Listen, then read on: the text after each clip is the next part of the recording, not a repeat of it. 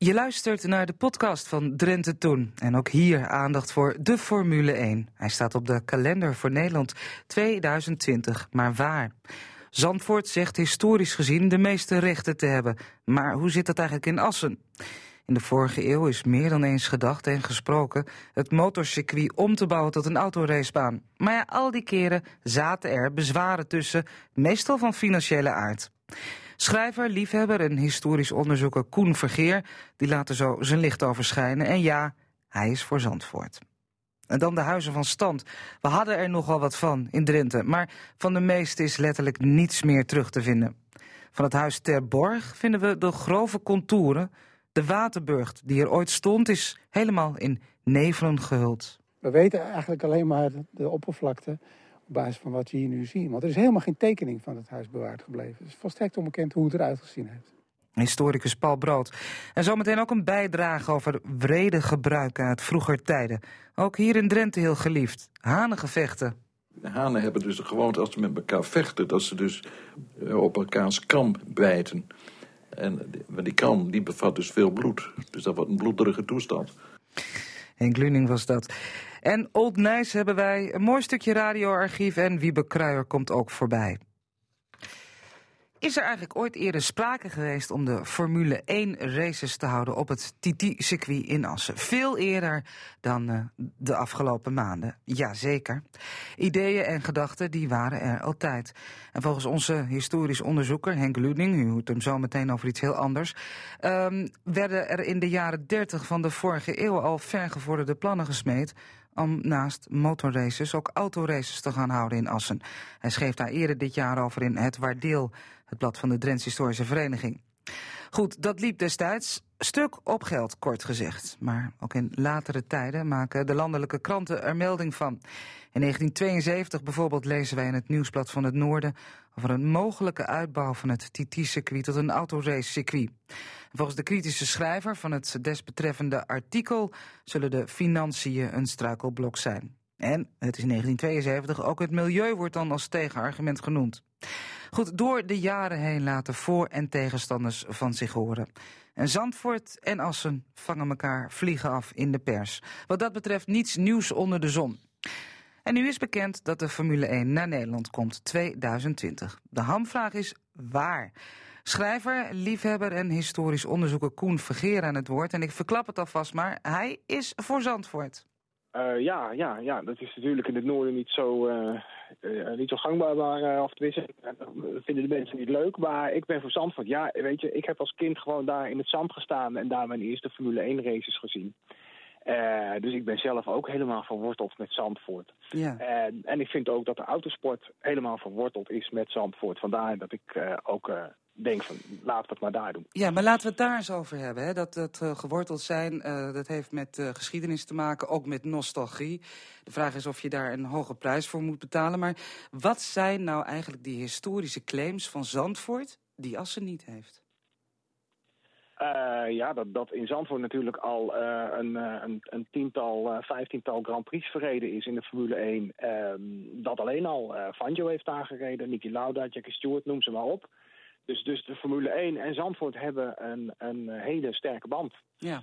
En, en, je hoort ook in de Formule 1, als mensen het hebben over welke track wil je terug hebben, dan komt altijd Zandvoort, is een van de eerste die genoemd wordt. Ja, dat, dat speelt dus niet alleen hier in Nederland een rol voor de liefhebbers, maar dat speelt ook internationaal gezien een rol. Ja, ja er, zijn, er zijn wel eens van die polls, weet je wel, en dan wordt er gezegd van nou, uh, al, die, al die plastic circuits die we nu hebben in het Verre Oosten, uh, willen, willen we willen weer een oude track terug. Welke wil je dan graag terugzien? En dat Zandvoort zit altijd in de top 5. Mensen hebben daar toch ook wel veel herinneringen aan. Ja. En het heeft die atmosfeer aan zee. Nou ja, het, het is een, een, prettige plek om een Formule 1 race te houden. Ja, maar goed, er zijn ook uh, genoeg tegenargumenten die je veel hoort. Hè. Logistiek gezien zou Zandvoort het niet aankunnen. Er moet te veel verbouwd worden. Assen heeft het allemaal wel in huis. Dat weegt wat jou betreft, betreft niet op tegen die, uh, tegen die geschiedenis... Uh. Nee, ik, ik, ik, denk, uh, ik denk, dan laat ik er ook een woord in gooien uh, aan branding. Uh, kijk, je, je moet gewoon doen waar je heel sterk in bent. En ik denk gewoon, Assen is altijd heel sterk geweest in het organiseren van de TT en motorraces. Dat is eigenlijk synoniem. Ik zou het ook heel raar vinden als Zandvoort nu in één keer de TT ging organiseren. Dat zou ik ook heel raar vinden. Ja. Waarom dus hebben in die zin... ja. Ja? Ik vraag me af, weet jij waarom wij in Assen eigenlijk nooit een Formule 1 hebben gehad in het verleden? Uh, nou, zou ik niet direct weten. Ik weet wel dat, dat, uh, dat Zandvoort zich altijd uh, sterk heeft gemaakt voor autoraces. oh, er zijn ook motorraces gehouden toen. aan het, aan, net na de oorlog. toen is dat circuit aangelegd. En daar wilden ze eigenlijk heel graag toen een Grand Prix, een Grand Prix ophouden. Uh, dat is toen doorgegaan en sindsdien is het eigenlijk altijd daar op vier wielen geweest. Ja, nou hebben vier wielen ook wel op het circuit in Assen gereden. En er is ook wel gedacht aan de Formule 1 hè, om die daar te halen. Maar Assen is eigenlijk nooit in beeld geweest, nooit serieus. Zeker niet vanaf de jaren 60, 70. Uh, nee, nee, nee. Ja, toen zat Zandvoort natuurlijk heel, of, uh, ja, Zandvoort heel stevig in het zadel. Ik denk dat, dat, dat niemand er toen aan dacht van nou, we kunnen het ook wel eens ergens anders doen. En kijk, en nu is het een hele tijd weg geweest en nu komt er zo'n heel groot evenement terug. En dan begrijp ik ook wel dat als ze denkt van, hé, hey, dat kunnen wij ook. Ze hebben ook Jamcar gedaan. Ze hebben heel veel vierwiel uh, manifestaties georganiseerd en races. Dus wij kunnen dat ook doen. Dus ik snap wel dat zij dat ook graag binnen willen halen. Even terug op die uh, branding, hè, zoals je dat noemde, zegt een woord van ja. deze tijd. Het werd in Ja, de jaren? 90 al gezegd door uh, Bernie Ecclestone, voormalig grote man in de Formule 1. Hij zei over Assen destijds, niet aan beginnen. Jullie hebben al een mega-evenement, je moet daar niet een tweede naast willen zetten. Dat is iets wat jij eigenlijk onderschrijft nu. Ja, ik, ik, eh, ik ben het vaker met Bernie eens, in dit geval eh, zeker. Ik denk, ik denk, weet je, je hebt iets heel moois, daar kun je je mee profileren. Uh, doe dat en ga er dan niet nog meer dingen bij halen die alleen maar verwarring scheppen. Dat is branding. Ja. En Bernie had gelijk. Nou, uh, Bernie is er heel rijk mee geworden. En uh, ja, je, je brengt het Het is onder jammer, jammer dat Bernie niet meer de basis van de Formule 1. Want ik denk dat Bernie, als Bernie er nog was, zou hij die 40 miljoen die nog nodig is, gewoon uit eigen zak betalen om het voor elkaar te krijgen. Ja, en wat, wat, wat heeft de huidige eigenaar dan niet in huis? Die liefde nou, of, dat- of het geld? Nou ja, nee, ja, dat zijn niet van die dealers. Die, die, eh, kijk, Bernie deed altijd alles met een handshake en, eh, en wat geld onder de tafel. En eh, ik denk dat, dat die cultuur wel een beetje verdwenen is. Ja. Maar Bernie regelde het zo. Zeg, En, dan gebeurden de dingen ook. wat mij opvalt is dat er toch een hoop eh, nostalgie en romantiek om de hoek kunt, komt kijken als je het hebt over eh, de Formule 1 in Nederland. Eh, Ben je het daarmee eens? Of, Ja. eh, Ja, als je, als je mij erbij had, zeker. Eh, ja, nostalgie, eh, romantiek, zeker. Eh, Formule 1 is leuk. ook, maar wordt nog veel leuker als je ook al die oude verhalen erbij kent. Het, om zo'n sport hangt gewoon heroïek. Het, het aura van vroeger, dat blijft daar gewoon altijd omheen hangen. Dat, dat- daar kom je niet onderuit. nee, voor jou begon het in de jaren zeventig, hè? In de jaren zeventig, eh, toen, toen eh, Nederland eh, eigenlijk nauwelijks aandacht besteedde aan de Formule 1, eh, ontdekte ik het zo af en toe in Studio Sport van hé, hey, dat bestaat ook. En dat vond ik erg leuk. En, en sindsdien ben ik ook naar Zandvoort gegaan als, als opgroeiend pubertje. Ja. En heb ik daar diverse races gezien, ja. Ja. Nostalgie met een hoofdletter N. verantwoordt die nostalgie wel die tientallen miljoenen euro's die het moet gaan kosten?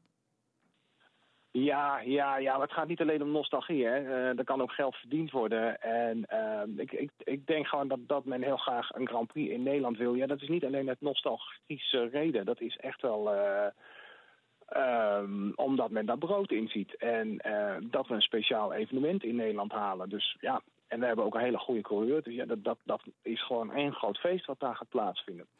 Zeg- Ik denk ook dat daarom Liberty heel graag wil dat de Formule 1 naar Nederland komt. Omdat Ja. ze willen laten zien dat er zo'n eh, leuk publiek is. Ja. En, en Liberty wacht gewoon nog even rustig af tot wij het hier onderling hebben uitgevochten? Of eh, wanneer valt het laatste woord? Nou, kijk, Liberty is natuurlijk ook gewoon een zakelijke onderneming. Die wacht gewoon af tot geld op tafel komt. En daar gaat het nu gewoon om. Ja.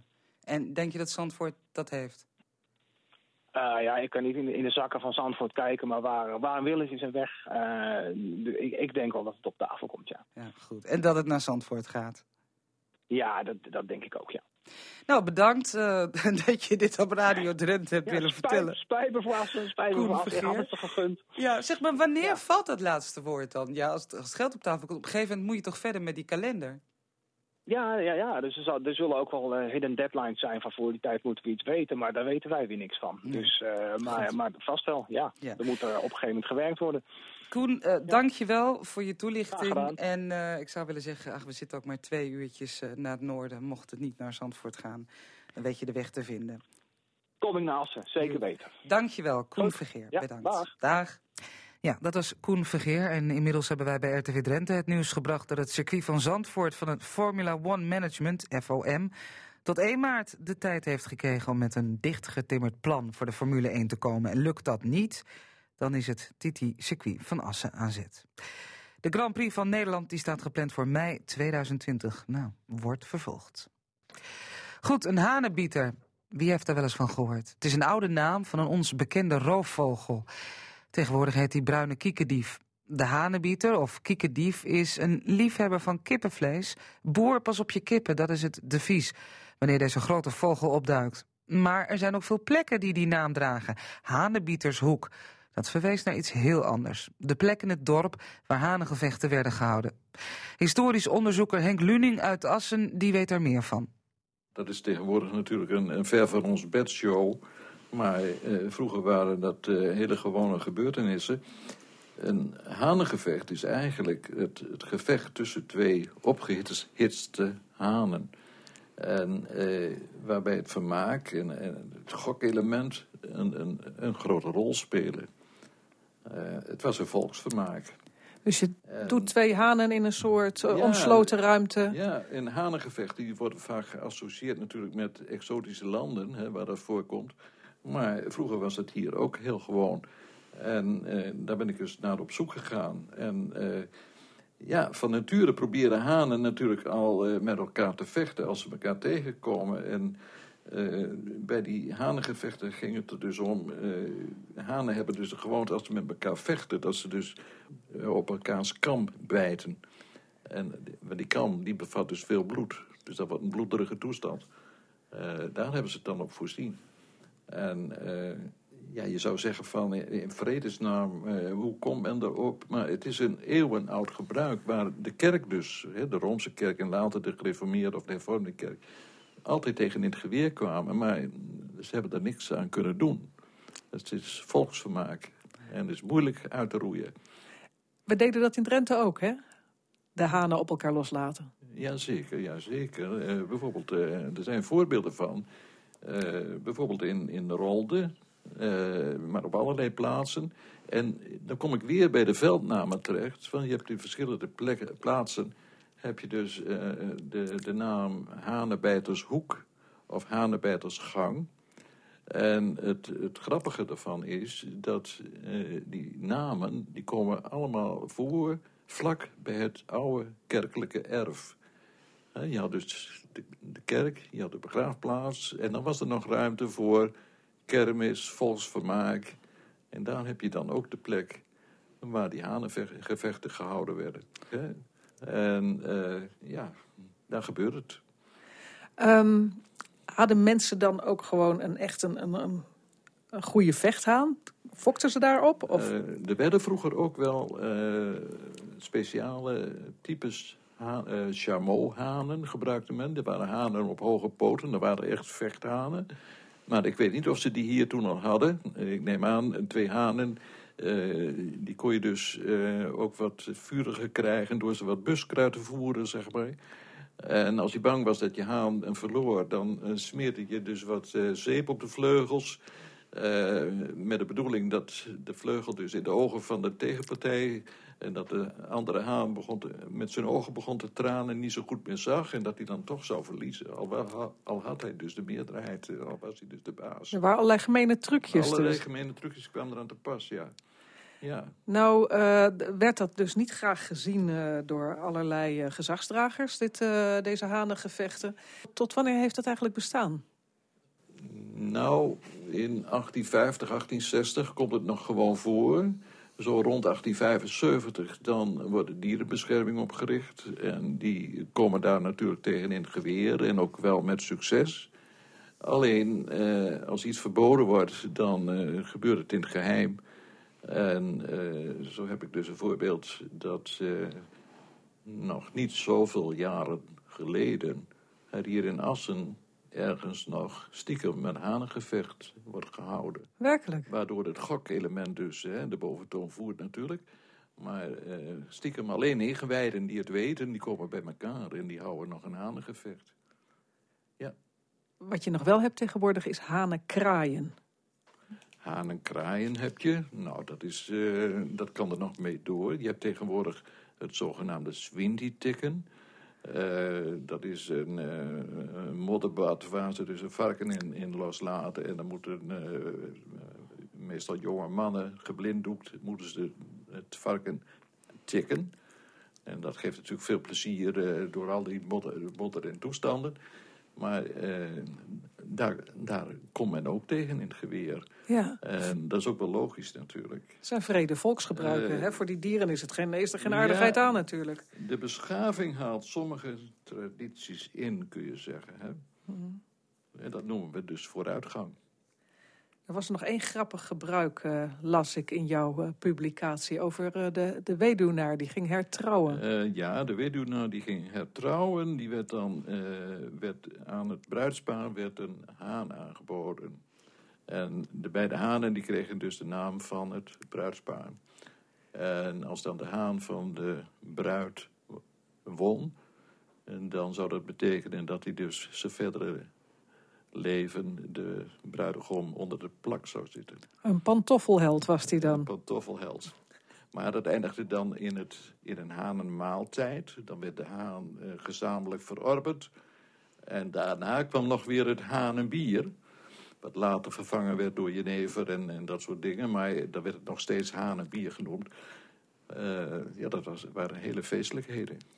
Nou, wij zoeken even een hanebiertje op hier. U hoorde Henk Luning in een bijdrage van collega Lydia Tuinman. En zometeen horen we Lydia nog een keer, maar dan in Eelde. Op zoek naar wat rest van Huis Terborg. Old Nijs. Het was deze 2 december van het jaar 1974, vandaag dus 43 jaar geleden, dat smorgens om 7 minuten over 10 de trein van Groningen naar Zwolle stopte zomaar midden in de landerijen bij Wiester. De passagier schenkt geen bijzondere aandacht aan een groepje Zuid-Molukse jongen die in Sinterklaaspapier gewikkelde pakketten bij zich heeft. Pas tegen half twaalf komt de eerste berichten over een kapinglus.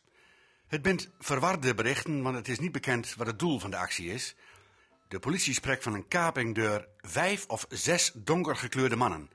De trein bij Wiester werd op die dag wereldnijs. Ik heb er het Nijsblad van het noorden van die dag in bijpakt. En ook die kraan begint met zo groot mogelijke letters. Trein gegijzeld bij Wijster. Vier doden.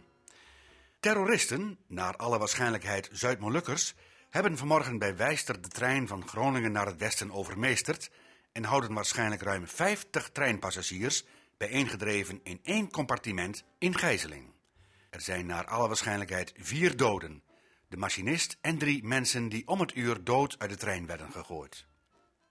De terroristen eisen een bus naar Schiphol. Daar moet een vliegtuig klaarstaan om de overvallers naar een niet genoemde bestemming te brengen.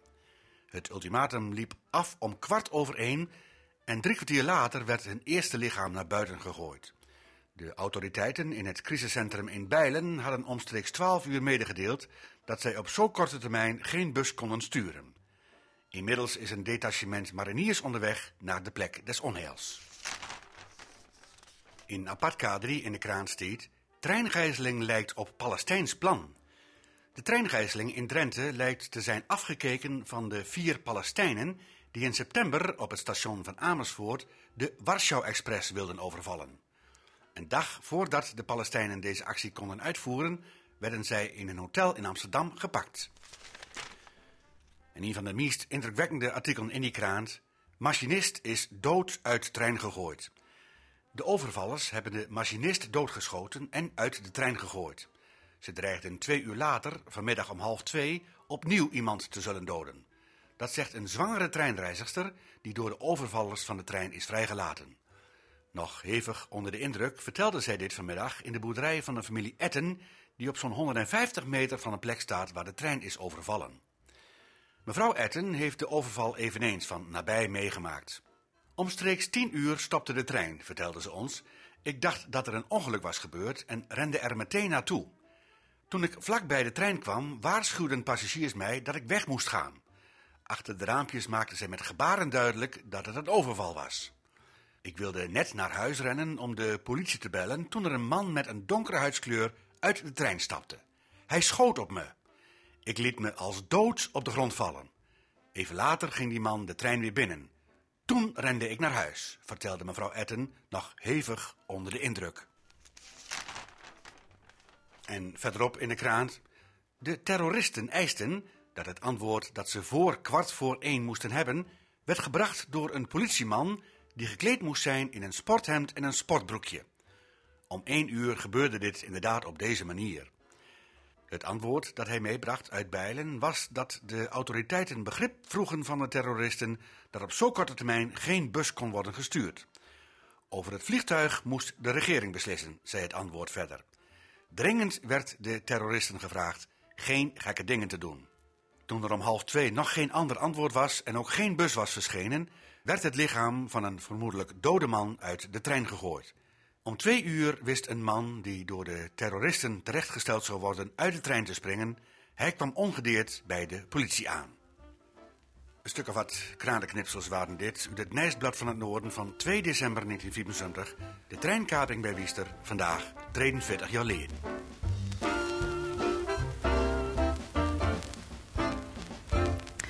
Ja, de kranten werden gelezen door Aldert Oosterhuis.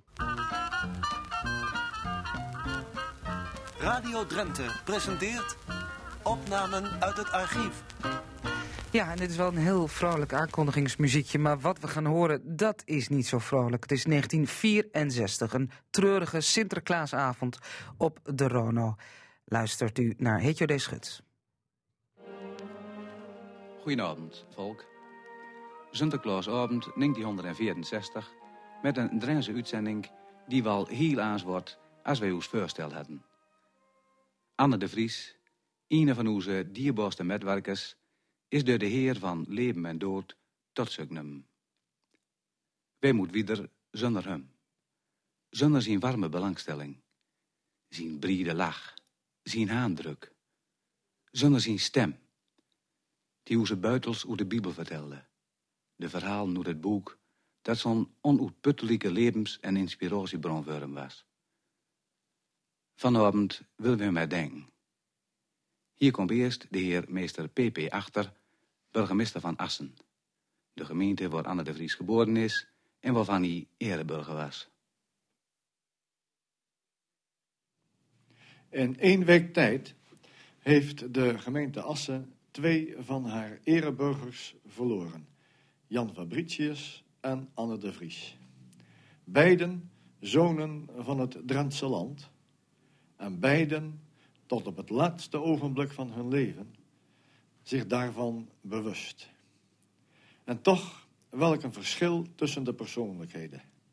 Aan de ene kant de man uitbundig in zijn levensvreugde, aan de andere kant een mens die zeker het enthousiasme kende, maar toch in zijn uitingsvormen stiller en iets wat serener was. Beiden van waarde, beide van betekenis en toch ieder met hun eigen vormgeving. Terborg was een havenzaten in Eelde in het dingspel Noorderveld. Onze vaste kenner van de huizen van stand in Drenthe, die er bijna allemaal niet meer zijn, historicus Paul Brood, die gaat op zoek naar de restanten. En dat doet hij samen met collega Lydia Tuinman. Aan de rand van Eelde bevindt zich een uh, terrein met een parkeerplaats en een aantal borden waarop wordt uitgelegd waar we hier naar moeten gaan kijken. En dat is eigenlijk uh, precies zoals uh, Paul Brood, onze historicus, dat graag heeft. Hè? Ja, dit is prachtig. Het is echt dubbel historisch zou je kunnen zeggen eigenlijk. Want ten eerste is het het terrein van de Waterburgt. En iedereen in Eelde weet wat de Waterburgt is natuurlijk. Dat is een, een middeleeuwse fort, versterking, in, de, in het rond gelegd met water eromheen. Vandaar de Waterburg. En die is helemaal gereconstrueerd. Althans terrein. Je ziet al die, al die sporen daar nog van terug. Maar op dat Waterburgterrein is waarschijnlijk in de 16e eeuw een havenzater neergezet. Huis ter Borg of Kantersborg. En daarvan hebben ze ook in ieder geval de contouren van de plattegrond met tegels belegd. Dus dat zie je ook nog terug. En dat zit allemaal op één terrein. Dus ja, als historicus uh, kun je hier je hart ophalen. Ja, het is heel duidelijk te zien uh, waar het allemaal geweest is. En uh, het is er natuurlijk niet meer. Het huis wordt symbolisch aangegeven met een, met een metalen toegangspoort. Het is geen klein huis geweest dit. Nee, het is best een behoorlijk huis geweest. Het is ook, was ook oud en er woonde ook een belangrijke familie, de familie Ter Borg. Was wel een van de belangrijke oude middeleeuwse Drentse geslachten. Dus, uh, en uh, hadden kennelijk ook wel voldoende geld om zo'n huis uh, neer te zetten. We weten eigenlijk alleen maar de oppervlakte op basis van wat we hier nu zien. Want er is helemaal geen tekening van het huis bewaard gebleven. Het is volstrekt onbekend hoe het eruit gezien heeft. Oh, dat is wel jammer, want uh, eigenlijk uh, in dat boek uh, waar je aan mee hebt gewerkt, Huizen van Stand, daar zijn eigenlijk altijd wel tekeningen van die statige huizen te vinden, maar hier dus geen beeld. Nee, nee, helemaal niks. Dus dat is wel, dat is wel, wel jammer. En het, je kunt je wel een voorstelling maken natuurlijk hoe het eruit gezien heeft. met een deur aan voor en een symmetrische ramen daarnaast. Zoiets zal het wel geweest zijn, denk ik. Maar goed, we kunnen het niet bewijzen, want er is niks van. De beroemde professor van Giffen die heeft hier, die is hier eigenlijk begonnen hè, met de bol op te graven. Ja, ja, die is al in de jaren dertig hier begonnen. Hij heeft niet zo vreselijk veel gevonden, maar latere archeologen hebben gelukkig wel wat meer boven water gehaald. Ja, hij kon hier ook niet zoveel, want het was privébezit. En later werd het makkelijker, hè? Ja, ja nou, daar heb je natuurlijk als archeoloog, maar ook als historicus natuurlijk wel mee te maken. Dat je privébezit van mensen moet respecteren. En als die niks willen, ja, dan houdt dat gewoon op. En later, toen het in bezit kwam van de gemeente Eelde, toen uh, konden de archeologen naar hartelust uh, gaan graven. Ja, precies. Toen werd het uh, aanmerkelijk makkelijker. En dan zie je wat voor mooi resultaat je toch tot stand kunt brengen. En wat is bekend van de bewoners? Ja, de familie Terborg, of later ook Siegers Terborg, is een van de oude Drentse geslachten. En er zijn er niet zo vreselijk veel geweest. Van die oude adellijke Drentse geslachten. die lang, zeg maar ook tot in de 17e eeuw hier gewoond hebben en ook een functie hebben vervuld in Drenthe. En dat brengt eigenlijk ons een, beetje op, die, op de gedachte van ja, hoeveel Drentse geslachten zijn er nou van die adellijke geslachten? En als je teruggaat tot de middeleeuwen, dan heb je families als Van Norg en Van Pijzen en Van Eelde. Daar weten we niet zo vreselijk veel van, maar dat waren wel die oude adellijke geslachten. Die zijn eigenlijk allemaal al verdwenen, verdwenen in de 15e, 16e eeuw. En dan komen dan andere geslachten komen dat omhoog, zoals de Van Echtens, van de Klooster, van Holte later, van Welvelde. Die komen wat later en die verdelen als het ware de havenzaten uh, onder elkaar. Zij zijn degene, zij vormen de ridderschap en uh, uh, vormen dus ook de, de politieke stand, de ridderschap, hè, die dus iets in het bestuur te zeggen hebben. Hoe, hoe begint dat nou eigenlijk? Hoe, word je nou, hoe, hoe, werk je jezelf nou op tot adel, zeg maar? Ja, als adel word je geboren natuurlijk. Hè? Ja, toch, toch, het begint ergens. Ja, het begint ergens. Nou, het komt uit, uit de middeleeuwen dat het uh, de leenmannen zijn van de vorst. En die uh, worden dan beloond met, met bezit en met adeldom. Uh, dat gaat allemaal heel ver terug. En nou, die stelt het eigenlijk allemaal niet zo vreselijk veel meer voor natuurlijk. En zeker hier in Drenthe, waar men toch redelijk nivellerend was en het ging dacht vooral om de boeren en de adel was, waren in feite ook grote boeren natuurlijk. Ze hadden grondbezit en daar zaten pachters op en die uh, zorgden dat er inkomsten waren. Maar, uh, uh, dus adel in Drenthe heeft nooit zo vreselijk veel voorgesteld. En niet als in Overijssel of in Gelderland, waar de geweldige landgoederen en grote havenzaten nog te zien zijn. Dat had je in Drenthe niet waren heel, heel bescheiden, misschien wel een beetje armoedige adellijke families. Ik vermoed dat men in het Oost-Nederland zo wel ernaar keek. Ja, van, ach, gaat die Drenten, die uh, denken ook dat ze van adel zijn. Maar niettemin, er zijn toch een aantal families die wel betekenis gehad hebben. Hè. Ik noem het van de klooster en Terborg, die eeuwenlang hier geweest zijn. Maar laten we ook een familie van Echten niet vergeten, die de havenstaat Echten had, bij het huidige Hogeveen. Die al uit de 13e eeuw stammen en die tot eigenlijk tot in de 19e eeuw betekenis geweest, gehad hebben. En waarvan nog steeds na, nazaten leven. Dus is een van de weinige geslachten, misschien zelfs wel de enige, die uh, nog tot in de huidige tijd nazaten hebben. En dat zei historicus Paul Brood. Volgens de Groninger Courant van 28 januari 1755 had de havenzaten tien ruime beneden- en bovenvertrekken, een keuken en een kelder. Het is tijd geworden voor onze vaste columnist uh, Wiebe Kruijer, zoals voorgelezen door Robert Oosting.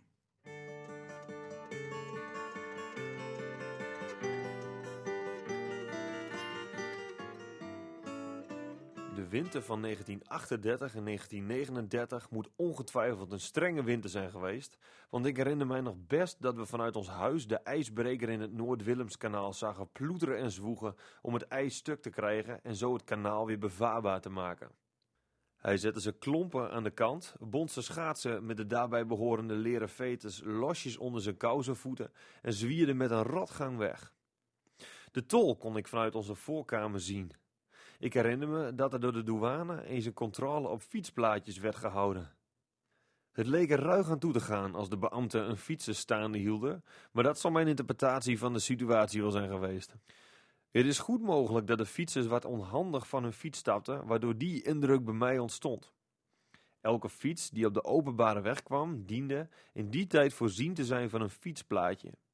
Dit plaatje was het bewijs dat de wegenbelasting voor de fiets voor het op het plaatje vermelde jaar was voldaan. De plaatjes waren geel koperkleurig, maar soms ook van blank metaal en konden hetzij in een hoesje of met een draadje aan de stuurstang worden bevestigd. Armlastigen konden, als ik het goed weet, het plaatje met korting of mogelijk wel gratis krijgen. Het blijft echter opmerkelijk dat er in die periode, waar heel veel mensen heel weinig hadden, de overheid ook aan die mensen toch nog een dergelijke belasting oplegde. De douane werd veel misleid. In plaats van het geldige plaatje deed men dan een bokkingvel in het hoesje. Pas bij intensieve controle viel men onder de mand.